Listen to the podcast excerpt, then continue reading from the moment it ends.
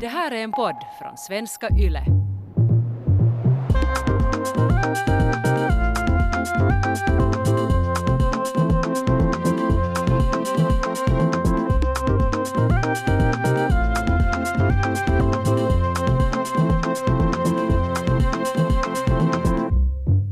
Välkommen till Sällskapet, en kulturpodd med samhällsperspektiv. Varje vecka kommer vi att snacka om aktuella fenomen, tankar och händelser i samhället och i kulturvärlden. Sällskapet består av mig, Kia Svetihin, och åtta kulturpersonligheter som roterar varje vecka. Och idag så sällskapar jag med dig, Petra Laiti. Hej! Tjena! Välkommen! Tack, tack. Uh, Petra, vad tänker du prata om idag i vår podd? Jag tänker prata om hobbyn som jag misslyckats med. Det blir spännande. Jag kommer att prata om uh, skogen och dess betydelse för mig. Jag har alltså, kanske med tanke på alltså hur det ser ut just nu i världen, Mm. så har jag blivit hemskt uh, kär i, i, träd och skog. Jo. Eh, liksom att jag har återgått till, till naturen. Jag har faktiskt inte alltid varit sån här, att det har, Mm. det har kommit på senare dagar. Eh, men hej, jag vill lära känna dig Petra förrän vi börjar eh, och bena ut hobbyn och skogen. Så jag tänker Yes. fråga några saker av dig. Jag börjar helt enkelt så här, vem är du Petra Laiti? Hur lång version vill du ha? ja, vi ska se. Uh, Okej, så eh, kanske det lättaste sättet att presentera mig själv är att säga att eh, jag är en 24-årig same. Ehm, jag är en twittrare, en bloggare, en aktivist, uh, ekonomikandidat, uh, skriver gradu på Hanken, jobbar som politisk assistent på riksdagen, Eh, och så har jag jobbat i en massa, massa föreningar, både i studentvärlden och, och utanför det. Ehm, och, och nu så, så genom det här programmet så är jag också poddare, Ja. så jag kan sätta det till i min CV. Hej, spännande det där med att du har jobbat eh, som, sa, du att det heter riksdagsassistent? Det heter politisk assistent äh, i, hos De gröna. Att, äh, att man kan vara liksom assistent till en riksdagsledamot, äh, men det är inte samma sak som riksdagsassistent. Äh, men äh, jag har ändrat min titel till politisk assistent eftersom jag också jobbar mycket med andra riksdagsledamöter än, bara mina egna. Äh, så just i, i samefrågor och sånt. Så, så det känns mer naturligt att, att bara vara sån här allmän politisk assistent. Hur har det varit att jobba nu, eh, nu under den här konstiga tiden där det verkligen har varit ex, en extrem press på regeringen? Um, konstigt är kanske det, det rätta ordet att beskriva det, att det är jätteparadoxalt att uh, få liksom se hur de där besluten utvecklas och, och hur den där informationen går. Men det är också utmanande eftersom man vet att, att när man jobbar på distans så kan man bara liksom göra så mycket. Och, och ibland så handlar det helt enkelt om att, att vara statist och, och se på när, när andra människor jobbar. Men att, att det som, som jag har kanske fått ut av det som, som inte varje människa har är att, att, att jag har jättemycket förståelse för, för hela regeringen och, och ministrarna liksom som personer, att, att de sitter ju och gör liksom omöjliga val. Um, så jag har jättemycket sympati för, för dem och, och deras välmående och, och deras tidtabeller som jag inte, jag, jag vill inte ens tänka på hur, hur mycket de har att göra. Uh, att det, här, det är att man får se dem liksom som, som människor. Um, så jag vet inte, det, det lägger mycket till i, i när man följer liksom nyheterna. Petra Laiti, vilket verk har påverkat dig mest? Och då tänker jag så här att du, att du har blivit den du är idag. Ehm, jag funderar på det här jätte- jättelänge, uh, för jag tror att det finns liksom uh, såväl böcker, musik som filmer som skulle kunna passa i den här kategorin. Men jag tror att, att um, det ultimata svaret i frågan är filmen Spirited Away av Hayao Miyazaki. Att det, det har varit en favorit sedan jag var typ sex år gammal. Och den har aldrig liksom tagits bort från min favoritlista. Så det är nog någon som, någon som har liksom på riktigt påverkat min identitet och, och helt att, att hur, liksom visionen av det att hur man kan göra filmer och, och hurdana berättelser man kan berätta. Så det, den filmen har nog påverkat mycket. Jag vet inte om det här är ett påstående som är falskt, Mm. men jag tycker att jag har läst en artikel eh, på Svenska Yle om när du blev aktivist, så hade det, hängde det ihop med, det för några år sedan var en sån här, ett verk i Kiasma, där Ja. en, en, hette hon Jenny Hiltunen, den här konstnären? Det gjorde hon. Ja, Ja. Som, som använde alltså på ett felaktigt sätt, exotifiera samedräkten. Ja, um, inte bara det, utan hon också använde liksom fake samedräkter, vilket gjorde det liksom extra problematiskt. Eh, det var inte kanske det fallet som gjorde mig till aktivist per se, men att, att jag tror att det var nog den casen som um, fick mig att se liksom styrkan i aktivism på social media. Och, och första gången som jag insåg att, att jag kan använda uh, Twitter och, och, min blogg som en liksom yta att, att presentera saker till människor som inte, inte skulle ha tänkt på saken förut. Och, och Jasmafallet var ju en sån där stor grej, att, att, att det var en av de första gångerna nu under de senaste åren som det var på riktigt en grej som till och med Hesari talade om. Vad var det problematiska i, den här, i det här konstverket på Kiasma? Um, det var en riktigt klassisk case på det sättet att det finns alltid två problematiska aspekter, brukar vara så. Det första är uh, just det här exploateringen av, av samisk kultur, uh, som hände via det här att, att de hade en, en fake gakti uh, eh, i ett konstverk som Uh, presenterades som om det skulle handla om dancehall-kultur och musikvideokultur. Så på det sättet så Uh, när man härstammar från den kulturen som man exploaterar, så fanns det ingen orsak till att varför man skulle använda de här plaggen som vi tycker är, är liksom förolämpande mot vår kultur. Uh, och sen det andra problematiska var hur Kiasma, den här artisten, reagerar på saken. För deras första reaktion var ju att nej, nej, samerna har förstått fel. Och att samerna bara förstår inte vad det här verket handlar om. Och, och det är ju liksom det sämsta som du kan säga åt en minoritet som försöker få dig att förstå varför det handlar om det för oss. Och, och till sist och slut så, så gick det ju så att, att vi hade en protest i, i Kiasma eh, och sen så får jag också tala med museichefen um, lite senare och jag förklarade varför det var fel och, och de liksom sa att, att okej, okay, vi förstår, uh, vi kommer inte att ta bort konstverket Ehm, men att vi kommer att arkivera den här diskussionen som en påminnelse.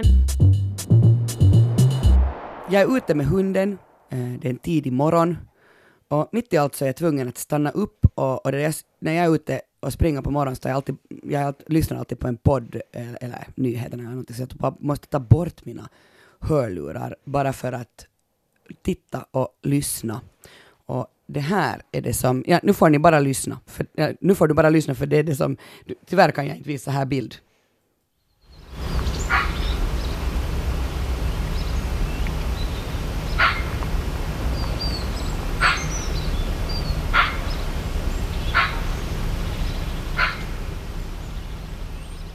Du får det där Petra stänga ögonen för jag ska beskriva vad det är jag ser.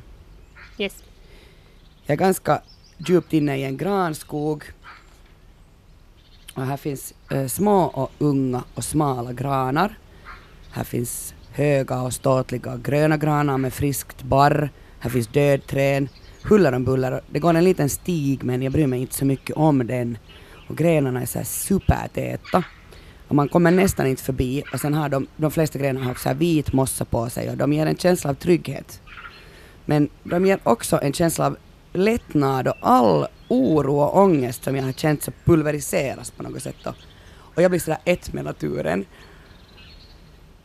Och, och det där, och när jag, när jag har så här känsla så tänkte jag att vad är det som har hänt? Eh, och klart att det är den här oron som vi alla känner nu när man inte vet vad det är som pågår och när det är i hela världen. Och det är liksom som en skräckfilm eh, hur vi har det just nu. Eh, men då kan man gå ut i naturen och då tänkte jag så här, okej, okay, var, var hittar jag kanske nu var hittar jag någon väg där jag kan liksom fortsätta? Så jag vände mig till litteraturen. Och Kerstin Ekman eh, har skrivit en essäsamling 2007 eh, som heter Herrarna i skogen. Eh, och, och, hon säger liksom, hon skrev på den i 30 år och hon säger liksom att skogen är hennes eget rum. Det är dit hon går när hon behöver liksom tröst. Eh, helt kort, känner du till Kerstin Ekman? Nej. Uh, hon har nu typ vunnit alla litteraturpriser man kan Jag borde vinna. ha sagt jo. Förutom Nobelpriset. Uh, men det, det som gör att hon är kanske speciell är att i och med Salman Rushdie-affären uh, 1989 så alltså hon satt också i Svenska Akademin, så lämnade hon Svenska Akademin i protest. Och, och, och hon, för att man, man ville inte fördöma den här fatwan som man satt mot Salman Rushdie. Och sen dess så står stol nummer 15 tom, så hon har alltså hört till Svenska Akademin. Ah, men visst inte, har jag hört om henne då. Jo, jo. No, men det som jag läser i Herrarna, herrarna i skogen är att, att 95 procent av våra skogar är produktiv mark. Så skogsskövling pågår liksom inte bara i Amazonas regnskogar, vilket man kanske får intryck av. Eh, hon säger själv alltså, Kerstin Ekman, att hon är ingen trädkramare, men och hon, hon tycker inte heller att man ska liksom försöka få tillbaka den här ursprungliga skogen, att det blir mer som en utopi. Men, eh, men hon liksom tycker väl ändå att man ska ta hand om, om skogen och, och lära känna den på något sätt. Alltså, det här som de flesta eh, människor har gjort, att man går tillbaka till naturen i tider som dessa. Alltså massor med Helsingforsbor till exempel har ju varit, de säger att det har varit så mycket människor i, i, det där på, i våra nationalparker att man liksom, det har blivit kö Jo. och då ska vi hålla social distans. Uh, no, ja, men uh, må säga vad man vill, i uh, Amazonas, som alltså ju inte är någon liten uh, regnskog, uh, tidigare täckte den 14 procent av planetens yta, idag täcker den 6 procent. Så att det har skövlats en del där. Och liksom den där ångesten jag fick när Jair Bolsonaros, uh, alltså Brasiliens president, uh, bara så här började skövla extremt mycket nu under pandemin. För han passar liksom på, för, för de här miljö, uh, det finns ett miljöskyddsverk förstås som försöker skydda ursprungsbefolkningen som bor i, i, i djungeln uh, i, i Amazonas. Så de vågar inte gå dit nu för att de vill inte smitta ner, herregud det skulle vara helt hemskt om de skulle smitta ner uh, med covid-19 då, de här, det här urfolket. Och det där, då har man genom satelliter märkt vad han har hållit på med och han har alltså med 30 procent ökat skövlande Jo. från förra året. Och det är ju alltså, det, det är ju alldeles fruktansvärt. Det är kriminellt skulle man kunna säga nästan. Och, och det är ju det liksom som med skogen på något sätt att, att uh, jag tänker på den på två plan, att så, vi behöver den, vi behöver den för att överleva och vi behöver den för att tillverka en massa saker. Men samtidigt behöver vi den för att den ger oss, den ger oss ett lugn och för att, för att det, det är en levande skog. Eh, och jag börjar fundera liksom mera på att, att idag till exempel så alla vill ha så här processade träprodukter. Eh, vi, vi vill ha det så här, det, så här snygg inredningsstil, just här Ja. trägolv och, Ja. och, och så vidare. Nordic design. Precis, Ja. Nordic design, ganska så här stilrent men, men, men liksom trä ska Mm. det vara, obehandlat. Ja. Eh, vi behöver det för uppvärmning, vi behöver det för att framställa motorolja, cellulos och foder till kreatur. Det är mycket sånt som Bolsonaro håller på med där. När han skövlar så, så vill Mm. han väl alltså att vi ska kunna äta mera kött och han ska kunna Ja. vinna ut så mycket som möjligt av, av naturen. Eh, man kan laga lim, man kan laga sprängämnen av trän, brännvin, herregud, eh, Norrlands akvavit gjordes av trä. Och hela, hela Finlands ekonomi är ju i princip liksom, har varit beroende av, av vår skogsindustri. Ja. Um, och man ska förstås inte glömma att, man planterar ju träd idag också för att på något sätt skapa aktiva kolsänkor och, och liksom återupprätta. Det här med att plantera träd är nu inte heller bara, bara av ondo. Men, men jag tänker så här, nu när man, man då tänker att okej, olja, oljeberoende, det är illa, vi ska liksom försöka komma ur det, vi ska börja tänka grönt. Eh, så gör det ju liksom att, att vi då går vi på skogen igen. Ja. Alltså det blir liksom, vi, hur vi än gör så gör vi i varje fall inte rätt. Nej, precis. Och det är ju liksom lätt att tänka att, att eh, natur och, och skog och sånt, att man kan, man kan lätt kalla det för grön energi om inte annars. Så skogen är ju grön, hur kan det inte vara grönt energi? Men att, att det finns mycket lite grönt i det som Bolsonaro till exempel gör. Ehm, och i Bolsonaros fall så har han ju också rasistiska skäl, att, att skogen är, är också ett hem åt, åt de här 500 000 människor som tillhör urfolk där i Amazonastrakten. Um, så, eh, och Bolsonaro har en riktigt lång historia av att han liksom dehumaniserar de här, de här människorna och, och kallar dem för ociviliserade och också bygger upp den här myten att, att det är omöjligt för urfolk att, att leva ett civiliserat liv. Så att han, han liksom i sin retorik gör dem till djur som är liksom collateral damage av att, av att man liksom sen får en sån här ekon ekonomiboost i, i Brasilien. Så han har liksom länge gjort det här att, att, att, uh, att han röjer bort urfolken uh, äh, och, och får liksom uh, folket att tro att, att priset man betalar för att och röja bort urfolket, att, att, liksom, att, att det är värt att betala. Och det är ju liksom hemskt, helt enkelt. Alltså jag tycker Bolsonaro är liksom alltså nästan värre än Trump han är liksom värre än Trump, han har bara inte lika mycket makt. No, Mm. man, man kanske inte ska sitta här och jämföra att vilken ledare är nu galnare, men alltså herregud vilka galna ledare vi har. Alltså, Ja, ja. Och egentligen, ironiskt nog, så från urfolkens synvinkel så finns det egentligen inte så mycket skillnad mellan Trump och, och Bolsonaro. Men det är kanske för att Amazonas är en sån här mytisk global egendom som, som alla känner till. Eh, så, så det är mycket mer symboliskt att röja ner Amazonas än uh, att skära ner på rättigheter av, av uh, amerikanska urfolk som redan har det illa. Liksom. Så, så det kanske, kanske är, är det därför att vi hör mer om, om Amazonas än, än native americans. men, men när man talar om det här så tänker jag så här, i Finland har vi allemansrätt. Ja. Men vem tillhör skogen?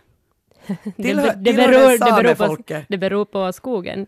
Eh, det är ju inte så att all skog i Finland tillhör samefolket, förstås inte. Eh, alltså det är vad man menar med urfolk, eh, som tycks vara riktigt svårt för vissa människor att förstå, är att, att när vi säger att samerna är Nordens urfolk, så betyder det inte att samerna är urfolk i hela Norden. Det betyder ju inte att samerna är urfolk i Hangö, eller i Danmark, eller, eller i Malmö. Det betyder att samerna är urfolk i sina traditionella marker. Så, så om du skulle fråga mig att tillhör, tillhör skogen i, i Keskuspuissa, tillhör det samerna, så svarar jag nej. Men om du frågar det uh, uppe i Enare, så säger jag absolut. Har ni haft alltså likadana eh, sådana domslut? Finns det några liknande fall som det här ganska uppmärksammade målet eh, Girjas sameby, Mm. eh, som i januari eh, så fastställde domstolen att eh, Girjas sameby har ensamt upplåtelserätt att utöva jakt och fiske. I det. det är ju en sån här smal remsa. Uh, ja, fast, fast egentligen så uh, tror jag nog att det inte riktigt gick så där. Uh, det, jag tror domen handlar mer om att staten inte har ensamrätt, utan att, att Girjas måste vara uh, en jämlik partner i uh, hur man, i beslutsfattandet att hur man uppdelar de här loven. Vilket är, är bara liksom rätt. Mm. Um, men det handlar ju liksom mer om just de här jakt och fiskeloven och inte, inte liksom skogsnedskärningar, utan, utan just att, att där var det en mycket principiell fråga om att, att inte bara att vem har lov att använda marken, utan vem har rätt att beställa vem som har lov. Och, och det är ju liksom den frågan som en massa frågor gällande uh, samernas liksom, rättigheter uh, kommer ner till. Att, att vem har rätten att beställa, äh, bestämma över de här, de här markerna? Men att, att visserligen så, så finns det liknande fall runt om i i Sápmi att just nu så är det flera casen uppe i Norge äh, där äh, man har liksom röjt ner samisk renbetesmark för att bygga vindparker. Och då handlar det ju också om grön energi som ändå sen ödelägger urfolks uh, sån här, um, vad är livelihood på svenska? Är det levnadsbröd eller något sånt? Ja, det, ja, man kan säkert säga ja. Att, att Ja. Som, som, ja, Ja. som ger deras levnadsbröd. Ja, ja att, att det är liksom, att, att där handlar det också just om det att, att, att det är liksom grön energi som tränger sig in på, på urfolksmarker och sen gör sig av med, med levnadsbröd som, som är mycket i balans med den lokala naturen. Så, så egentligen kan man sen tala om grön energi kanske, men etisk energi är det ju inte. Intressant. Um, jag tänker ändå så här att, att, att eh, för att fundera på varför jag uh, har kommit så nära eh, skogen igen. Det sa jag ju att, ja, det kan nu vara med den här konstiga situationen vi lever i och det är jag ju inte ensam om. Alltså, som sagt att man går ut och, och vill närmare naturen för att den har en, en, en på, men, på det mentala planet en lugnande effekt. Eh, jag läste en, en tysk författare, Peter Wolleben, Trädens hemliga liv. Jag Eh, har också läst den. bok som kom 2015. Vad, vad spännande. Vad jag fascinerades av den boken. Den är härlig, alla borde läsa Alla den. borde läsa den. Ja. Um, nå, vad, vad Peter Wolleben gör, som för mig är liksom, är, är kanske, eh, det är hands-on, alltså han, han mm, gör träden mera levande. Mm. Så klart att man förstår att träden lever, eh, men det där, han, han säger liksom att träden har ett socialt liv och träden har en familj, träden har lukt och smaksinne. Han går till och med så långt att han säger att de har känslor. Och, och det där, eh, man kan ju fundera på det här liksom med att, att att hur kan, han, hur kan han ta reda på det? Men det är helt alltså forskning som han, han lutar sig mot. Att, att det är inte sån här new age uh, krambambuli, utan han, han, liksom, han, han lutar sig mot forskning. Bland annat berättar han att, i en bergskedja i mellersta Tyskland så eh, upptäckte de att eh, de, alltså de olika träden hade ett utbyte av näringsämnen, så de Mm. här trädgrannarna hjälpte varandra så att alla alltid överlevde. Alltså om någon var i nödsituation så såg Ja. man till att den överlevde. Eh, alltså att, att, de, att skogar är som superorganismer, de är som myror, alltså en myrstack. Ja, ja, det är jätteintressant. Ehm, och han säger också att, att ett träd gör ingen skog, eh, för att så många träd tillsammans skapar ett ekosystem och det gör Mm. liksom att de kan dämpa den där extrem hetta då till exempel, eller köld, och de kan lagra vatten och, och därför kan de leva så länge. Och jag tycker det är så Mm. intressant att, att på något sätt se det där, för det kunde man applicera ju på, på människan. Mm. Att, att, liksom, att ensam klarar du inte av det här, du behöver ett nätverk för, Ja. att, för att överleva. Ja. Eh, och, och då säger han också att när, när man därför börjar plantera skog, nu kommer vi in på den här planteringen Mm. av skog, ehm, så uppför sig de här eh, nya träden som gatubarn, alltså de här planterade träden. Ja. För det första så får de bestående skador, plantering vållar bestående skador på trädens rötter, Mm. och efter det så vill de inte eh, bilda ett, ett nätverk, de är så oroliga hela Ja, tiden. ja. Och så säger man så här, men det spelar inte så stor roll för att ni, ni ska inte leva så länge, bara hundra år, Mm. så, så skövlar vi er. Och det igen syns ju liksom att Uh, no, men bara som ett exempel, eh, man, vi har ett jättegammalt hus där ute på, på Pörte Ja. där jag bor, som är från slutet av 1700-talet och det står där ännu, och liksom med samma virke. Ja. Eh, men sen igen när vi skulle renovera eh, den stugan jag bor i, Mm. eh, byta ut fönsterkarmarna, så var det sådär att åh, nu får du nya fönsterkarmar, de håller minst tio år. Och jag bara, Ja. den där stugan där, så den har ju stått där sedan 1700-talet, Precis. Men därför trädet idag är så dåligt. Mm. Alltså- För vi låter den inte växa Virke, alltså, och de mår dåligt. Jag tänker på det här, Ja. det är den där känslan, alltså det, det är trädens känsla liksom, att vi tar Mm. inte hand om dem. Så just man planterar ut en massa gatubarn då, Ja, som vi kallar dem, ja. och så står de bara där och de mår dåligt och de vill inte skapa något nätverk, de vill vara för sig själva för de Mm. litar inte på någon eh, och de är lite fake och de blir dåliga, de mår dåligt, det blir dåligt Mm. Så jag menar, Jag tycker det är så tragiskt, det att planterade träd är ensamma träd. Fast de Det- ska det är vara ju bredvid varandra. jättesorgligt, Det är alltså. jätte, jättesorgligt, ja. Men är det inte intressant att, att det att träd äh, har känslor och att träd har, har nätverk i naturen är saker som urfolk har sagt i flera århundraden. Och, och, och när människor har lyssnat på urfolk och upprepat det så kallas det för new age. Men sen när det är en, en vit tysk man som skriver en bok om det och lutar på research, så är det sen research. För att gå vidare i, i de här fantastiska träden, så de, det är också det här tycker jag är så fantastiskt, alltså de kommunicerar med varandra då genom eh, till exempel att de kan släppa ut så här lukter, det, det Mm. gör akacieträden i, i, i, på Afrikas savanner för att när, när girafferna kommer och ska äta så släpper de ut en lukt och den här lukten sprids också med vinden så de varnar och så. Mm. Och, och då finns det förstås de här surpupporna, så jag kallar dem för cockblockers Ja. i den här, i den här kommunikations... Eh, ehm, vad ska man kalla det? Kanske i, i i le- i kommunikationsledet Mm. och, och de kan vara sådana att de blockerar de här larmsignalerna som kommer och, och då, det tycker jag är så fantastiskt, så kommer svamparna in och då är liksom svamparna där och är sådär att, att de kan kontrollera och försäkra att nyheterna Mm. ändå sprider sig fast det är sådana surpuppor som är så att jag tänker inte berätta vidare att det kommer nu parasiter. Det är fantastiskt. Det är så intressant. Alltså när jag lyssnade på den här boken, jag har lyssnat på den, så bara, jag bara gick omkring och skrek att så här, ah! Gud, det här är så bra! Alltså, och det här är det bästa, Wood Wide Web. Ja. Eh, att, att det finns liksom något som man kallar det för ett så här väldigt kommunikationsnät som sträcker sig genom våra skogar. Och att de helt enkelt alltså har en sån här www-sida Ja. där, de, ja, där, de, där de på något sätt kommunicerar. Ehm, varför denna romantisering av naturen då? Eh, nå, eh, här kan man ju, alltså, det här kommer kanske lite svar på dig, åt dig eh, som säger att liksom, urfolket har alltid pratat om det här, ingen har lyssnat. Eh, nå, därför att människor som liksom lever av, av natur, äh, äh, som, äh, hur ska man säga, bondesamhällena som behövde eh, naturen för sitt levebröde, de hade inte tid med naturromantik. Nej. Men vi stadsbor, vi har. Ja. Och jag menar, jag är liksom uppväxt då ute i naturen på en ö, men sen har jag ju bott liksom större delen av mitt, alltså jag flyttade som 13-åring till stan, så att jag menar, jag har, jag har nog ett, ett jättestort behov av att, av att nu märker jag gå tillbaka till liksom mina rötter och verkligen rötter och gå och krama de här träden. Och på något sätt så, så när man säger liksom att ja, att, att att du är någon flummig trädkramare, eh, så kanske man väl ändå kan säga så som den här tyska Peter Wolleben säger att, att eh, vi har inga naturliga skogar kvar. Att det finns nästan bara trädplantager och det är så i hela Europa. Det vi kallar skogar är inga riktiga skogar och därför är det liksom flummigt att inte bevara det som finns kvar. Alltså varför skulle man inte försöka bevara på alla sätt och vis?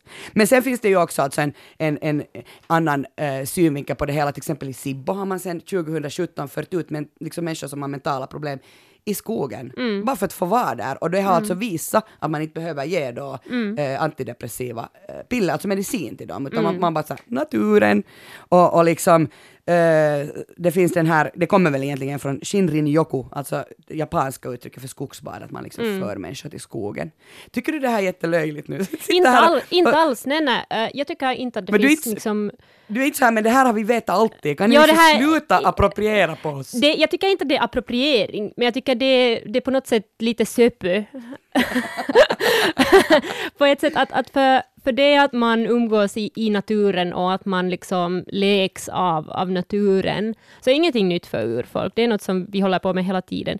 Ehm, och jag skulle för jag tycker inte att det finns något dåligt eller flummigt i att vara trädkramare. Liksom, att, att om, vill man krama träd så go ahead, det är bara liksom... Det skadar ingen. Nej, trädet kramar tillbaka helt enkelt. Men att, att ehm, jag vet inte, kanske, kanske så, för till exempel i Enare-trakten så har vi liksom Finlands typ äldsta skogar. Uh, och de riskerar ju också att bli nedskärda. Uh, ehm, men att, att, att det som jag blir lite, lite störd på uh, är sen att hur man förhåller sig till de här gamla skogarna.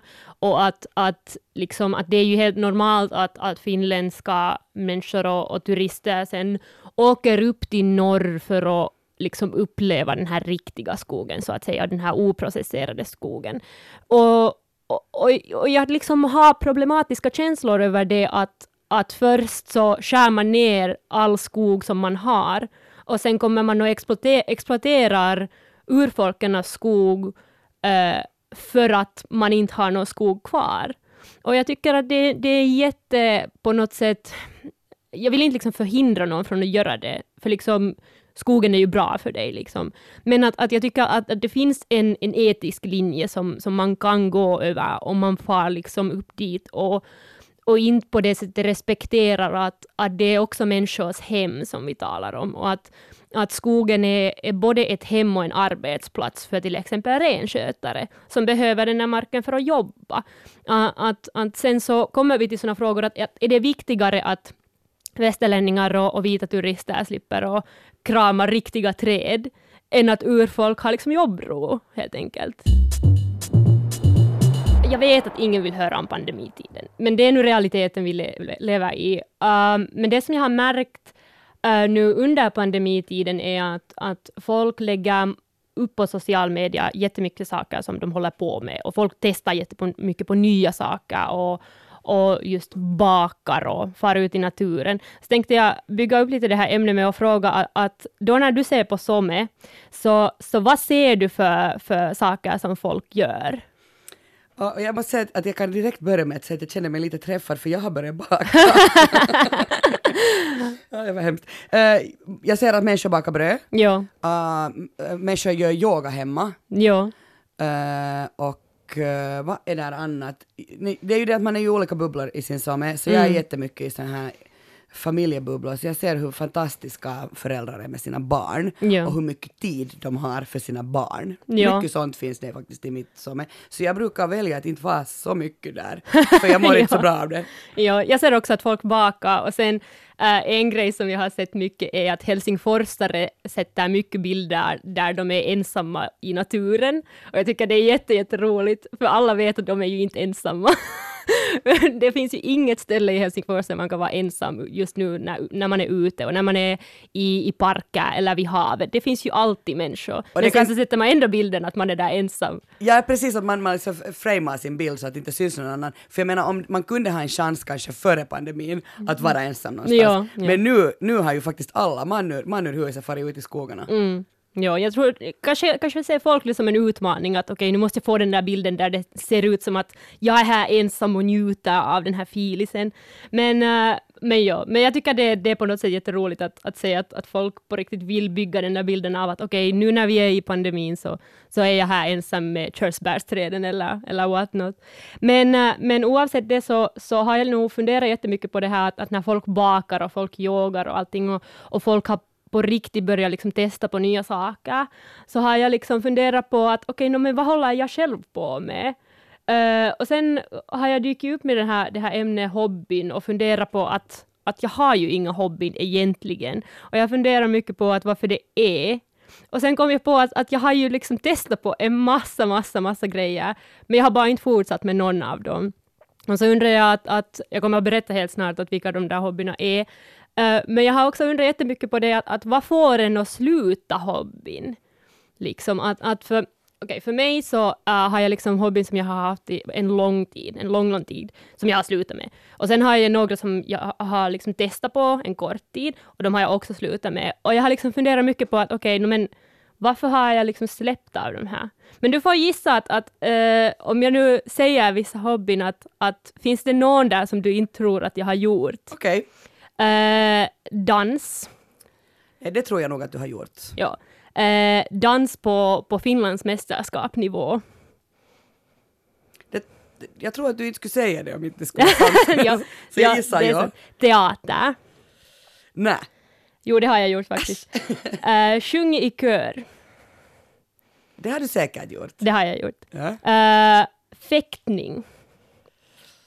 Vitsi Petra när jag inte alls känner dig. Jag skulle säga fäktning. Nej.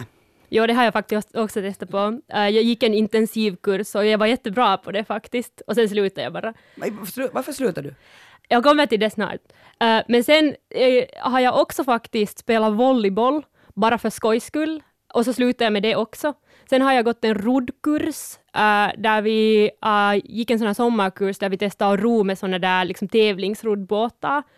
Uh, och sen har jag också testat på vattenskidor och allt möjligt. Och jag har liksom, speciellt nu när, när alla är på Somme och postar om sina hobbyn, så jag har liksom hobbyavundsjuka. Att, att varför, jag har, varför har jag ingenting att göra? Du sa hobby-shamas. Ja, ja, lite så. så att, att för, vad ska jag posta om på Instagram om jag inte har något ja. att göra liksom? Ska jag bara posta en bild av min basilika typ en gång i veckan? Men vänta nu, är det så här att att, att liksom den, här konstiga den här konstiga tiden har möjliggjort att man kan ha tid för mera hobbyn, eller har den här konstiga tiden möjliggjort att man kan fota mera och liksom skryta om det på jag tror på, den där skrytningen är... har nog kommit över från helt normala tider också. Det är kanske andra saker som folk nu måste fota.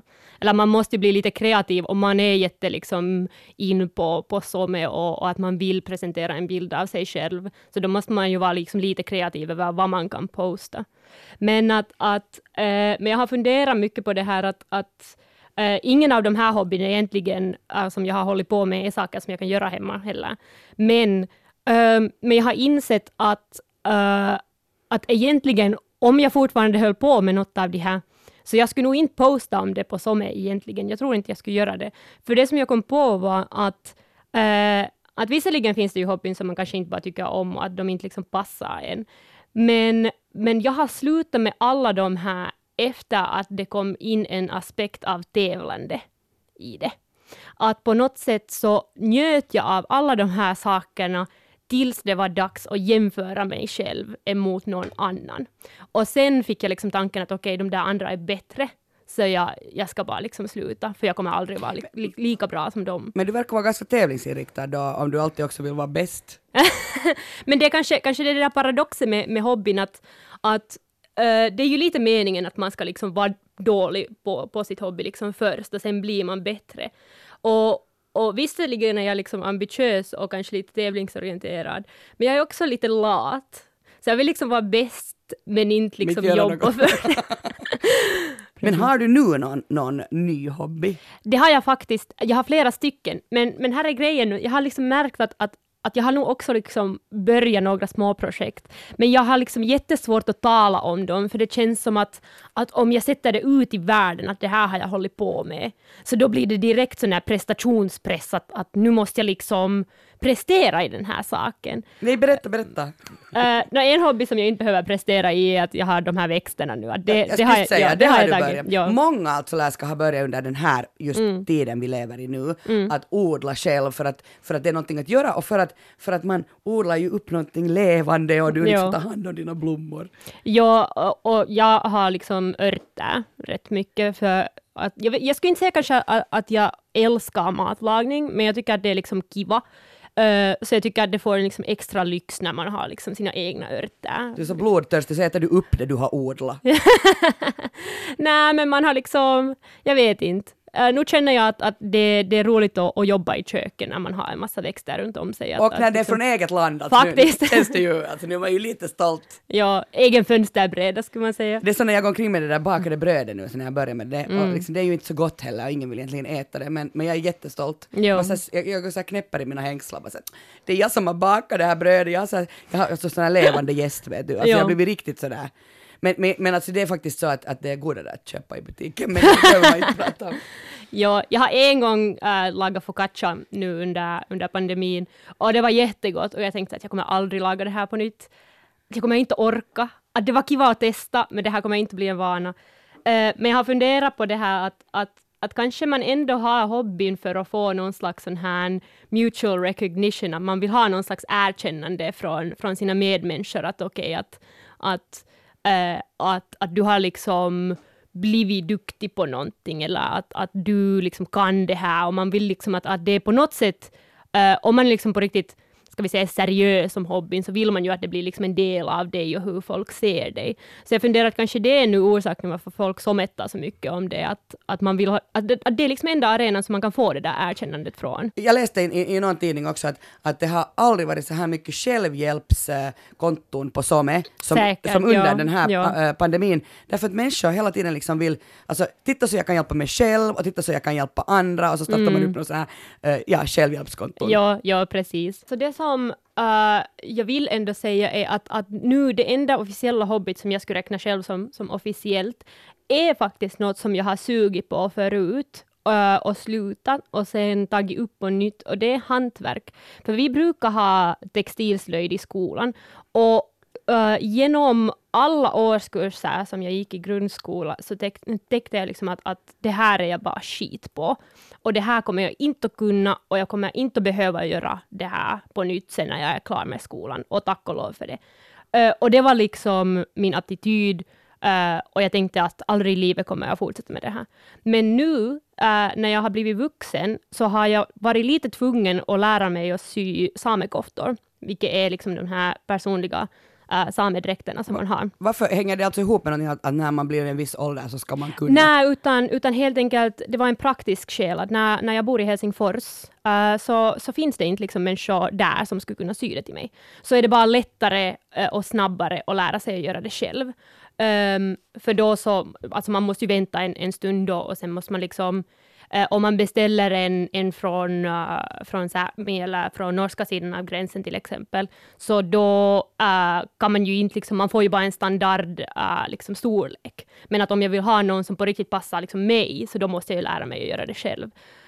Och så gjorde jag det och, och jag har fått en enorm stolthet av det eftersom den enda människan som jag behöver jämföra det är emot är mig själv. För jag kan ju bara alltid se på den koftan som jag har sytt förut och jämföra det nyaste med den. Uh, och jag har upptäckt att, att nu när jag liksom på riktigt har, har haft liksom behov av det, så har jag blivit jättebra på det eftersom jag har viljat det. Och, och det har varit på något sätt uppmuntrande att tänka att, att okej, att, att, att jag kan ju inte bli bra på allt som jag skulle vilja vara bra på, men att, att det är möjligt ändå. Det här har jag kunnat göra. Ja, och sen så är det också det att, att äh, när samekoftorna ändå, de varierar äh, per släkt och, och liksom, det beror på att, att varifrån du är och, och eh, vilken liksom eller vilket område din släkt kommer från och så vidare. Så att det är inte vem som helst som kan sy en kofta åt vem som helst. Uh, så det tar bort lite av, av liksom sån här peer pressure, att, att du kan på riktigt sy den där koftan åt dig själv och den kan vara bara din egen. Så ingen annan behöver någonsin använda dem som jag har sytt, tack och lov. För de som jag har sytt för första gången är lite, lite rough around the edges, men att, att ja. Men uh, det, det är något som jag håller på med och det är faktiskt något som jag har märkt nu när jag tänker på det efteråt, är att jag har faktiskt också sommetat om det, att nu ska jag sy igen. Och jag undrar att, liksom, ja, ja, att, att jag har också själv gjort det. Men det hade jag inte alls märkt, att, att, det här är liksom, att, att jag också liksom presenterade till världen. För jag har bara liksom varit så nöjd med att det här kan jag.